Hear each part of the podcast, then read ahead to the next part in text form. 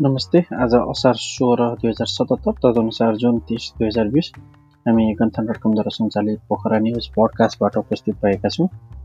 कास्के क्षेत्र नम्बर तिनमा निर्वाचन क्षेत्र पूर्वाधार विकास कार्यक्रमको अनुगमन सुरु। बहाल छुट नदिँदा धमाधम व्यवसाय छोड्न बाध्य पोखराका व्यवसाय र पोखरामा पनि प्रवेश गरियो सलह।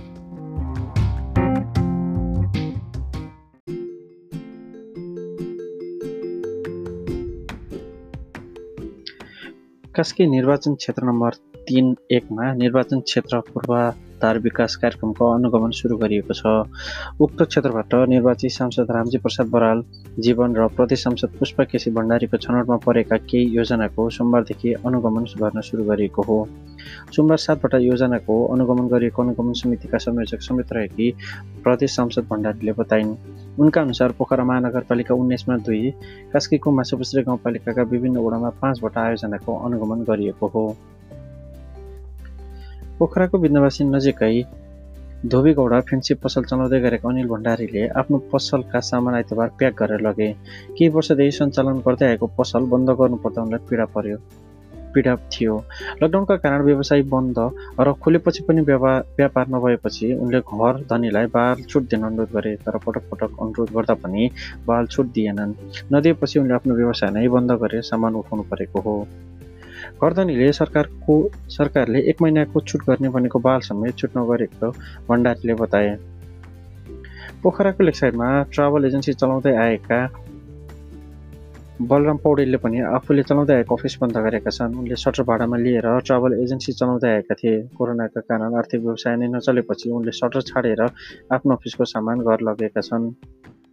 गर्दनीले घर भाडा घटाउन मानेनन्।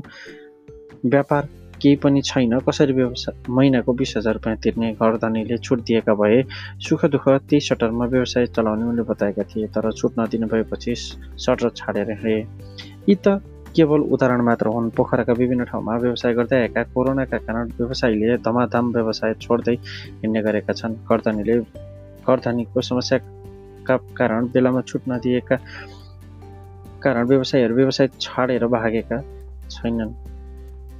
यसलाई पुनः सुन्नुहोला घरधनीले समस्याका बेलामा छुट नदिएका कारण व्यवसायीहरू व्यवसाय छाडेर भाग्न बाध्य छन्। पोखराको लेक साइडमा रहेका करिब पाँच सय होटेल करिब दुई सय पचास घरधनीले नै चलाउँछन् भने दुई सय पचास भाडामा दिने गरेका छन्।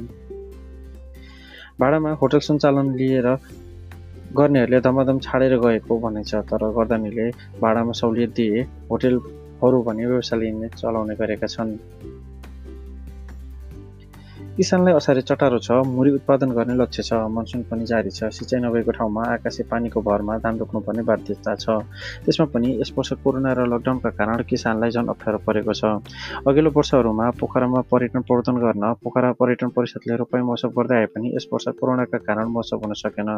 पोखरामा अघिल्लो वर्ष पर्यटन व्यवसायी पर्यटक र अन्य व्यक्ति असार पन्ध्रमा हिलो खेल्दै रमाउने गर्थे तर महोत्सव हुन नसकेपछि किसानहरू मात्रै यसपालिको असार पन्ध्रमा धान दिवसको रूपमा देखिन्थे। पोखरामा पनि सलकिरा देखिएको छ। पोखरा सत्र महत्गौडा पोखरा महानगरपालिका तिन नदीपुर लगायतका ठाउँमा सलकिरा देखिएको। पोखरा महानगरका कृषि महाशाखाका प्रमुख मनोहर कडेर कडरियाले जानकारी दिए।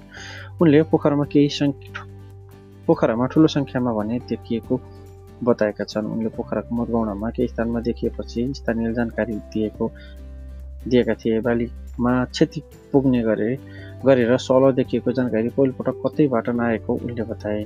सल यसअघि करिब साठी वर्ष पहिला पनि आएको बताइन्छ।